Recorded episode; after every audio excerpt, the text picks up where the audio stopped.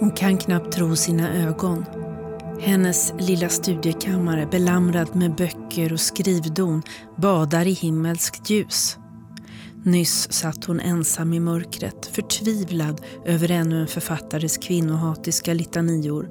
Förbannade gudarna för att hon fötts till detta svaga kön. Då uppenbarade sig plötsligt, hur kan det ha gått till? Tre strålande damer mitt i rummet. De kallar sig förnuft, rättrådighet och rättvisa och säger sig vara Guds döttrar. Ditsända för att råda bot på Kristins missmod och ge henne ett heligt uppdrag. Med deras hjälp ska hon bygga en magnifik fästning som ska skydda alla kvinnor från hat och klander. Kristin är förstummad. Kan hennes böner ha blivit besvarade? Fru Förnuft ler och bjuder henne handen. Så, så, stig genast upp min flicka, säger hon. Och låt oss gå ut på litteraturens fält. Där ska kvinnostaden grundas.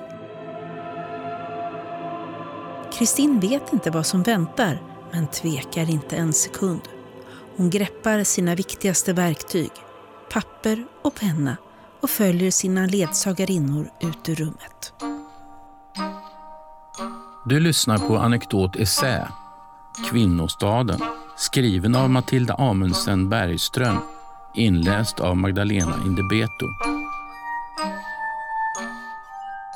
Så börjar ett av den sena medeltidslitteraturens mest säregna verk, Kvinnostaden, eller Livre de la Cité des Dames från år 1405.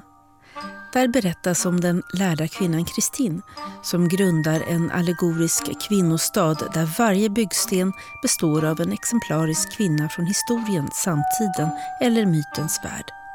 Till sin hjälp har hon tre gudomliga fruar, symboler för de egenskaper som vägleder arbetet. Tillsammans bygger Kristin och fruarna upp sin stad, men de river också ner en annan. Medan sten staplas på sten plockas tidens många teser om kvinnors bristfällighet isär, en efter en. Tills medeltidens misogyna luftslott slutligen rasar samman. I dess ställe reser sig ett nytt strålande palats. Kvinnostaden. Boken är en av de äldsta texter vi känner till i vilken en kvinna ger sin syn på den europeiska litteraturens kvinnobilder. Den har kallats för feminismens urberättelse och har under sin långa receptionshistoria både hyllats och bespottats, placerats på piedestal och avfärdats. Detsamma gäller bokens arkitekt, huvudpersonens namne, författaren Christine de Pisson vars livshistoria är nästan lika enastående som den bok hon skrev. Fru Förnuft ser uppfordrande på Kristin. Fatta spaden som är ditt förstånd och gräv med en kraft en djup vallgrav där du ser min markering. Så ska jag hjälpa dig att på min egen rygg bära undan jorden. Kristin tar ett djupt andetag och börjar gräva. Genom åren har Christine de Pisson fått spela många mångskiftande roller. Frankrikes första kvinnliga yrkesförfattare, en av medeltidslitteraturens klarast lysande stjärnor. Europas ursprungliga feminist, kort sagt ett unikum. Hon framträder nästan alltid som en undantagsgestalt, en häpnadsväckande motvirvel som bröt litteraturhistoriens jämna flöde av stora män. Sanningen var såklart mer komplicerad än så. Men för den som idag ville förstå Pisan, närma sig människan bakom orden, är det svårt att förhålla sig till alla de där rollerna, få ordning på berättelserna. Inte blir det lättare av att författaren själv, mer än de flesta av sina samtida, bemödade sig om att konstruera en image, en persona som snarare skulle vara intresseväckande än sanningsenlig.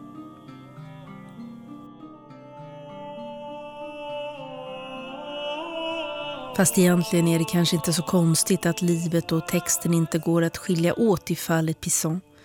Hon levde ända sedan barnsben i litteraturens värld.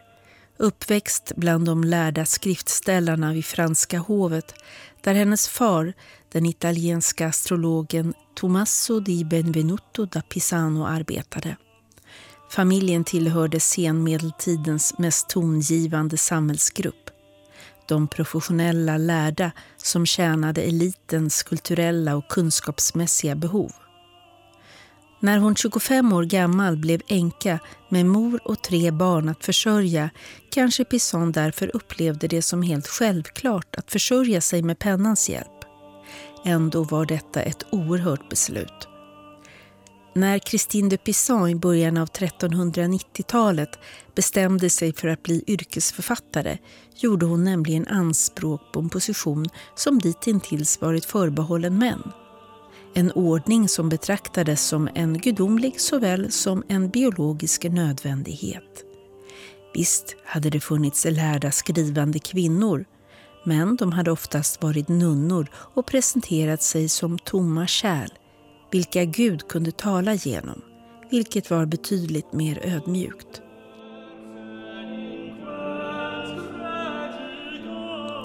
De världsliga kvinnliga diktare man kände till var sångerskor, anonyma röster förankrade i en muntlig kultur.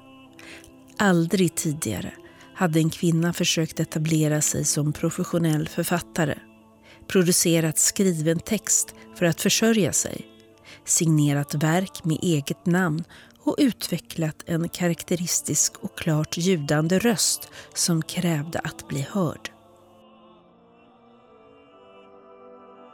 Fru Förnuft ler uppmuntrande mot Kristin. Kära dotter, när jag nu har grävt ett långt och brett dike och burit bort jorden i stora mängder på mina egna skuldror tillkommer det dig att lägga ner de stora och tjocka stenar som ska bära upp murverket runt kvinnostaden.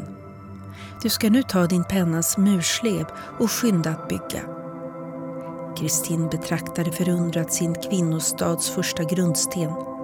Den mäktiga babyloniska krigardrottningen Semiramis.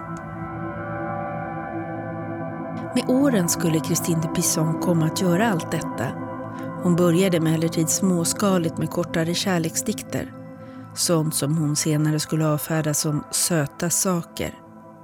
Dikterna skrevs i enlighet med de populära höviska ridderliga kärleksidealen för det franska kungaparets cour amoureuse. Pisson firade stora framgångar som kärlekens diktare. Enligt henne själv snarare tack vare än trots att hon var kvinna. Precis som dagens läsare verkar medeltidens människor ha lockats av en ovanlig, normbrytande författare denna diktare ville emellertid mer än att bli sällskapspoesins stjärna. Mot århundradets slut vek Pisson in på en ny väg när hon i Epistre au Dieu d'amour, kärleksgudens brev, lät kärleksguden förfasa sig över den även med medeltida mått mätt uppseendeväckande misogynin i en av 1300-talets storsäljare, Le Roman de la Rose, romanen om rosen. Pissons kärleksgud ondgör sig över bokens fördomsfulla kvinnosyn som enligt honom har fått stå ovederlagda eftersom kvinnor inte skriver böcker. I efterhand framstår monologen som en reklamvinjett för vad som komma skall.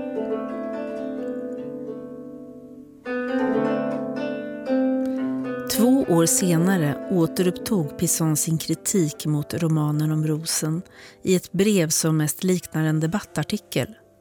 Brevet gav upphov till upprörda repliker vilka i sin tur gav upphov till andra upprörda repliker.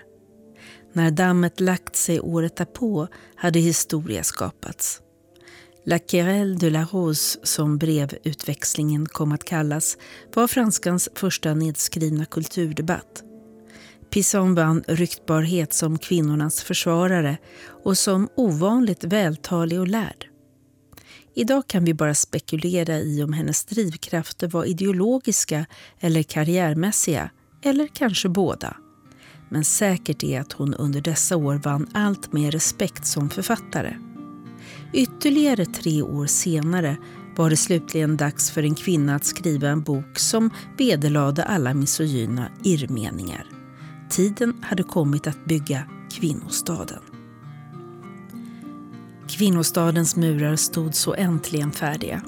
Och lika plötsligt som hon hade kommit var fru Förnuft borta. I hennes ställe framträdde den andra systern, den stränga fru Rättvisa.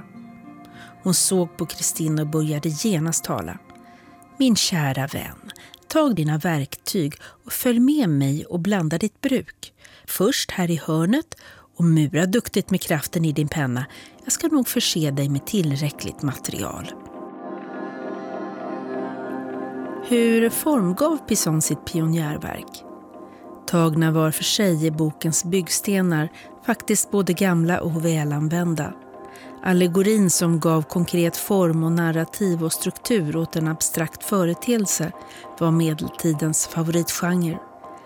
Tidens läsare förstod utan tvekan att de skyddsvärn som Kristin byggde med sin pennas murslev inte var faktiska utan verbala. En mur av ord, en vallgrav av exempel, ett palats av argument. Bokens argumentationsteknik bygger på en sedvanlig blandning av klassisk logik och kompilation, ansamling av bevis från olika källor. Merparten av dessa bevis är goda exempel, också det en beprövad strategi. Kvinnostaden består av drygt hundra korta biografier över exemplariska kvinnor som skildrar kvinnornas dåd och de lärdomar som kan dras från dem. Detta slags biografiansamling hade dykt upp då och då sedan antiken och de flesta kvinnor som läsaren möter, orientaliska krigardrottningar, mytomspunna härskarinnor, hjältemodiga martyrer, var välkända. Både Pisson själv och hennes läsare var helt säkert bekanta med dem från den italienske humanisten Giovanni Boccaccios mästerliga och populära De mulieribis Claris om berömvärda kvinnor från 1357. Många av kvinnostadens invånare dyker upp även i Boccaccios verk och Kristin hänvisar ofta till sin föregångare för att stödja sin argumentation. Detta långtgående återbruk ligger helt i linje med medeltidens syn på författarskap. Att författa innebar vid den här tiden att på mer eller mindre kreativa vis sammanfoga bitar ur det som kan kallas en estetisk repertoar av redan existerande stoff, textnuttar och karaktärer.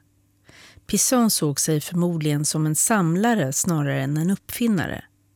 Men eftersom hon i kvinnostaden försöker göra något som ingen tidigare gjort tvingas hon mejsla ut nya mönster ur de gamla. Hon vrider och vänder på Boccaccios berättelser som alla handlar om antikens och den avlägsna historiens hedniska kvinnor. Försöker förstå istället för att fördöma sådant som ur ett medeltida och kristet perspektiv var oacceptabelt. Till dess skildringar fogar hon sedan mer samtida kristna kvinnors biografier.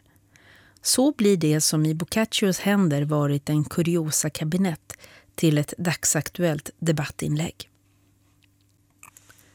Att hon saknade föregångare innebar också att Pisan var tvungen att förhålla sig på ett nytt sätt till gamla källor. Till exempel låter hon sina fruar uppmuntra Kristin att lita på sina egna sinnen för att bedöma kvinnors dygd. En epistemologisk nymodighet i en tid vars tilltro till ordet var orubbligt. Och för att foga samman alla dessa välanvända delar skapade Pisson en ramberättelse som var helt hennes egen. Där skildras hur Kristin, som har en hel del likheter med författarinnan själv, förlorar sin tilltro till både kvinnokönet och sitt förnuft efter att ha läst en kvinnofientlig skrift för mycket. Varför, frågar hon till tomma luften, är alla författare och filosofer och poeter och storordiga talare eniga om att det hör till kvinnans natur att vara hågad för att hemfalla åt alla slags laster? Hur kan det komma sig att Kristins egna erfarenheter av kvinnors leverne och karaktär går tvärt dessa stora mäns tvärsäkra uttalanden? Är hon för oförståndig för att se sanningen om kvinnokönet? Just när tvivlen hotar att förgöra Kristin kommer räddningen. En deus ex machina i ordens sanna bemärkelse. De tre gudomliga fruarna förnuft, rättrådighet och rättvisa. De avfärdar snabbt alla idéer om kvinnors brister som avundsjuka och ondsinta skrönor, vilka snarast bör härledas till männens svagheter. För att ingen annan kvinna ska finna sig i samma svåra situation ger de Kristin uppdraget att bygga kvinnostaden. Allt medan de svarar på hennes frågor om kvinnokönets faktiska väsen. Så smids de redan välkända berättelserna om exemplariska kvinnor samman med en helt ny argumentation mot misogyni. Fru Rättrådighet borstar dammet från kläderna och ler mot Kristin. Kära vän, nu tycks det mig som jag har gjort nog av min plikt mot kvinnostaden. Jag har fyllt den med sköna palats och allehanda hus och präktiga byggnader. Jag har befolkat den åt dig med ädla damer av alla samhällsställningar så att den är fulltalig. Det räcker så. Nu får min syster Rättvisa komma och fullborda verket. En sådan argumentation var definitivt påkallad och är det på vissa sätt alltjämt. Många frågor som Kristin ställer till sina ledsagarinnor klingar fortfarande kusligt välbekanta och de speglar en kvinnobild som levde kvar i många hundra år efter kvinnostadens färdigställande. Är kvinnor av naturen lystna och vällustiga? Har kvinnor ett klenare förstånd än män? Är kvinnor som barn och trivs därför som mödrar? Kan kvinnor inte hålla hemligheter? Är kvinnor fega och svaga? Är kvinnor svekfulla, nyckfulla och illojala? Njuter kvinnor av att bli våldtagna? Under Pissons livstid var dessa anmärkningsvärt negativa kvinnobilder nästintill ovedersägliga eftersom de stammade från några av de medeltida tänkandets grundbultar. Som tidens lärde förstod Aristoteles var kvinnan en sorts underutvecklad man. Hennes kroppsliga, själsliga och intellektuella förmågor antogs vara därefter. Helt enkelt mindre välutvecklade än mannens. Som samma lärde förstod Bibeln var alla kvinnor inbegripna i det oförlåtliga svek som Eva gjorde sig skyldig till i paradiset. Kvinnor förknippades därför med det mesta som riskerade att leda männen från dygdens smala väg och mot fördärvet, som lusta, fåfänga, list och svekfullhet. Detta var såklart teori Många kvinnor levde av praktiska skäl helt annorlunda liv än de som Bibeln och Aristoteles män rekommenderade. Christine de Pizan, om någon, är ett bevis på det. Och visst fanns det motbilder, särskilt inom den höviska kärleksdiktningen där Pizan inledde sin litterära bana. I sådana dikter var den älskade damen kärlekens föremål snarare än Maria än en Eva. Hon var den manliga älskarens vägvisare mot det ljusa, goda och gudomliga snarare än mot det onda och syndfulla. Men i ett förenades de misogyna och de höviska kvinnobilderna. Oavsett om hon var älskad eller hatad blev kvinnan aldrig annat än ett tyst objekt. En projektionsyta på vilken männen kunde applicera vad helst de ville utan att hon någonsin fick säga sitt. Kanske är detta kvinnostadens allra största storhet. När hon murar, bygger, staplar och skriver och frågar, svarar och kritiserar gör Kristin anspråk på rollen som subjekt. Kvinna som hon är kräver hon att få skapa sin egen och kvinnornas berättelse. Mer än något annat är Pissons bok ett enda långt motsägande från en kvinna som tröttnat på att vara föremål för männens alla fantasier hatiska såväl som helgongörande. så kom fru Rättvisa framför Kristin i hela sin härlighet. Sannerligen Kristin, det tycks mig som att du efter bästa förmåga och med hjälp av mina systrar har lyckats med din tanke att bygga kvinnostaden. Nu har det blivit dags för mig att ta itu med det sista som jag har lovat dig. Hur går detta motsägande till i praktiken? Kristin står snarare för frågorna än för svaren. I bokens första del, när stadens fundament och murar byggs, är det istället fru Förnuft som ger svar på tal. De byggstenar hon erbjuder Kristin utgörs av kvinnor som visar mod och förstånd och dådkraft. Drottningar, krigerskor, uppfinnerskor och konstnärinnor. Mellan berättelserna argumenterar fru Förnuft för kvinnors kapacitet att vara vad vi idag skulle kalla samhällsvarelser. I bokens andra del får Kristin sällskap av fru Rättrådighet. Här anläggs esplanader och palats, tinnar och torn medan den höga frun övertygar Kristin om kvinnors förmåga att agera dygdigt, det vill säga moraliskt. Här passerar Bibelns kvinnor och romerska hustrur av oantastlig moral i revy.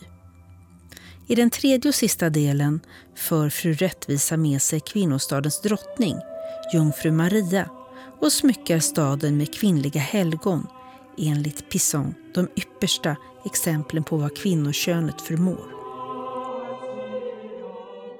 Banbrytande är den förvisso, men Pissons argumentation är samtidigt fast förankrad i medeltidens världsbild och i kristendomens dygdetik. För en modern läsare fascinerar den första delens hjältinnor men för Kristin är det yttersta goda inte hjältemod utan kristen dygd. Också de slutsatser som Kristin drar efter att till sist ha byggt färdigt sin stad och presenterat över hundra kvinnor som bortom allt tvivel bevisat kvinnors duglighet kan upplevas som en aning svårsmälta idag.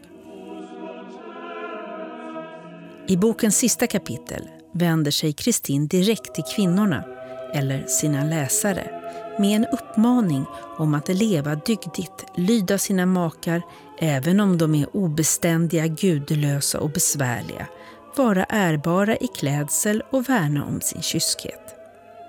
Kristin må kritisera negativa kvinnobilder, men i deras ställe vill hon placera ett mer positivt värderat kvinnoideal, inte individens frihet. Hon vill inte heller att världen ska bli mer jämlik, Ingenstans i boken kan läsaren hitta konkreta förslag på samhälleliga omdaningar av det slaget. Sådana idéer verkar även innanför kvinnostadens murar vara otänkbara. För den som läser Kvinnostaden idag kan det kännas lite snopet att Pissons banbrytande argumentation inte mynnar ut i mer revolutionerande slutsatser. Det gäller dock att se saker ur rätt perspektiv genom att träda fram som en kvinnlig namngiven författare och låta kvinnliga röster kritisera både antika och samtida manliga auktoriteters insikter i och förståelse om halva mänsklighetens natur hade Christine de Pisson redan överskridit gränser som få närmat sig förut. Till skillnad från många andra skrivande kvinnor vi känner från den här tiden var hon ingen apart figur, ingen isolerad Kristi brud som skrev för att svara på Guds kall eller stilla rörelserna i själen. Hon strävade målmedvetet efter att erövra en plats i det franska kulturlivet. Och hon skrev sina texter för att de skulle läsas och uppskattas av detta kulturlivs nyckelpersoner. Chockera, ja visst, men inte avfärdas som dårskaper utan övertyga som lärdomsprov. Inom litteraturvetenskapen talar man ibland om ett retoriskt rum. Det utrymme som vid ett givet tillfälle avgränsar vad en författare kan säga med en rimlig förhoppning om att accepteras och förstås av sina läsare. Här gick gränserna för Pissons retoriska rum. Hon hade emellertid visat att dessa gränser inte var naturgivna utan möjliga att både överskrida och förskjuta. Därmed var allt satt i rörelse. Fru Rättvisa och Kristin står sida vid sida i stadens högsta torn och ser ner på sitt verk. Jag vet inte vad jag mer ska säga till dig, Kristin. Jag kunde berätta om otaliga kvinnor, höga som låga, jungfrur och änkor eller hustrur vars dygder, underbara styrka och trohet Gud har uppenbarat. Om det räcker för dig så syns det mig som om jag nu uppfyllt min plikt och mitt värv. Kristin vet knappt vad hon ska säga när fru Rättvisa innan hon plötsligt försvinner talar till staden själv. Nu är du färdig, perfekt och väl omgärdad som jag har lovat. Det finns en förrädisk lockelse i att tänka på litteraturhistorien i termer av före och efter pionjärer och portalgestalter. Tidens och texternas gång kan sällan struktureras så enkelt. Och hur nyskapande hon än kan verka var Christine de Pisson ingen genial visionär som skapade något helt nytt ur intet. Hon använde gamla verktyg på ett nytt sätt, satte samman sedan länge utmejslade delar till ett mästerligt bygge som möjliggjorde nya sätt att se på och skriva om kvinnor. Och som framförallt gjorde det möjligt för kvinnor att skriva. För henne själv utgjorde texterna om kvinnorna en vändpunkt i en helt enastående litterär karriär. Med tiden blev Pisson en högt aktad författare som kunde uttala sig om såväl politik som krigskonst. När hon dog 1430, mitt under arbetet med en dikt om den nya franska hjältinnan Jeanne d'Arc, var hennes namn känt utanför Frankrikes gränser. För kvinnolitteraturhistorien var betydelsen om möjligt än större. Snart knackade fler och fler kvinnor på kvinnostadens port. Fler började ifrågasätta de gränsdragningar som exkluderade dem från det som fru Förnuft hade kallat litteraturens fält. Nya röster sällade sig till Kristins och ur deras kritik växte ett kulturellt fenomen och en debatt som fick La Querelle de la Rose att blekna. La Querelle des Femmes. La Querelle de Femme kan översättas såväl till debatten om kvinnorna som till kvinnornas debatt. Och det var verkligen båda delarna. Denna enorma litterära strid som kom och gick i vågor från 1400-talet till 1700-talet som hade utbrott i de flesta europeiska länder som engagerade hundratals kvinnor och män är nästan omöjlig att ringa in. Vissa forskare ifrågasätter till och med huruvida man kan se La Querelle de Femme som en sammanhållen debatt och menar istället att kvinnan helt enkelt var ett populärt diskussionsämne, ungefär som kärleken eller gudstron. Ett är dock säkert. Under århundradena som följde gjorde fler och fler kvinnor anspråk på den författarposition som Christine de Pisson hade stakat ut och precis som sin föregångare använde många av dem kvinnofrågan som en språngbräda mot litteraturens fält. Från 1400-talet och framåt finner vi fler och fler texter, allt från korta dikter till långa böcker där kvinnor återanvänder Kristins strategier och uppfinner nya för att angripa den grundmurade misogyni som under hela denna period och långt därefter utestänger dem från såväl litteraturen som samhället. Och långsamt, långsamt börjar något att vittra sönder. När den svenska poeten Hedvig Charlotta Nordenflykt år 1761 350 år efter att Christine de Pizan skrev Kvinnostaden publicerar dikten Fruntimmers försvar, en variant av de gamla biografisamlingarna återkommer hon till Kristins gamla exemplariska kvinnor. Men hon kan också lägga till ett helt kompani av samtida kvinnliga diktare och intellektuella.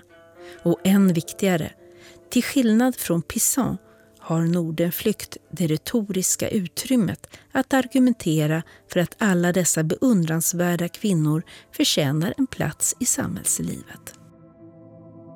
Kristin, stärkt av fru Rättvisas ord, vände sig nu ut mot alla de kvinnor som hon såg nedanför sig. Nu visste hon precis vad hon skulle säga. Mina högt ärade damer, Gud ske pris. Vår stad är nu avslutad och fullkomlig och i den kan ni rymmas och hedra den. Alla ni som älskar ära, dygd och ett gott anseende har en plats här, såväl de från förr som de närvarande och de efterkommande, för den är tillkommen och grundad för alla ärbara kvinnor. När den franska litteraturhistorikern Gustave Lanson 1894 vägrar diskutera Christine de Pissans texter i sin Histoire de la littérature française och avfärdar henne som en blåstrumpa, den första i den olidliga raden av kvinnliga författare, låter hans ord mest en smula sorgliga, en rest från en svunnen tid. Några decennier senare inleds den feministiska Pisonforskningen och under 1900-talet ska Pisons texter erbjuda en nyckel in till akademin för otaliga kvinnliga forskare. I backspegeln kan vi se att Pizans kvinnostad snarare än att erbjuda ett försvar gav kvinnor vapen i hand verktyg som aspirerande författare och intellektuella kunde använda för att göra anspråk på en författarposition och en samhällsposition på litteraturens fält och männens planhalva. På vissa sätt är striden långt ifrån över. I kulturlivets tinnar och torn håller männen alltjämt hov. Men på andra sätt har bokens visioner både förverkligats och överträffats. Man kan undra vad Kristin skulle ha sagt om hennes gudomliga fruar hade berättat att kulturdebattörerna 600 år in i framtiden skulle tvista om bristen på manliga snarare än kvinnliga författare. Antagligen hade hon lätt belåtet och glatt sig åt att de kvinnor som följde henne i spåren faktiskt hörsammade hennes sista uppmaning och önskan. Medan solen gick ner över de gnistrande tornen och kvinnor från alla tider och platser fyllde stadens torg viskade Kristin till sist. Gör vår stad större och öka vårt antal med glädje och goda handlingar. Kom också ihåg mig, er trogna tjänarinna.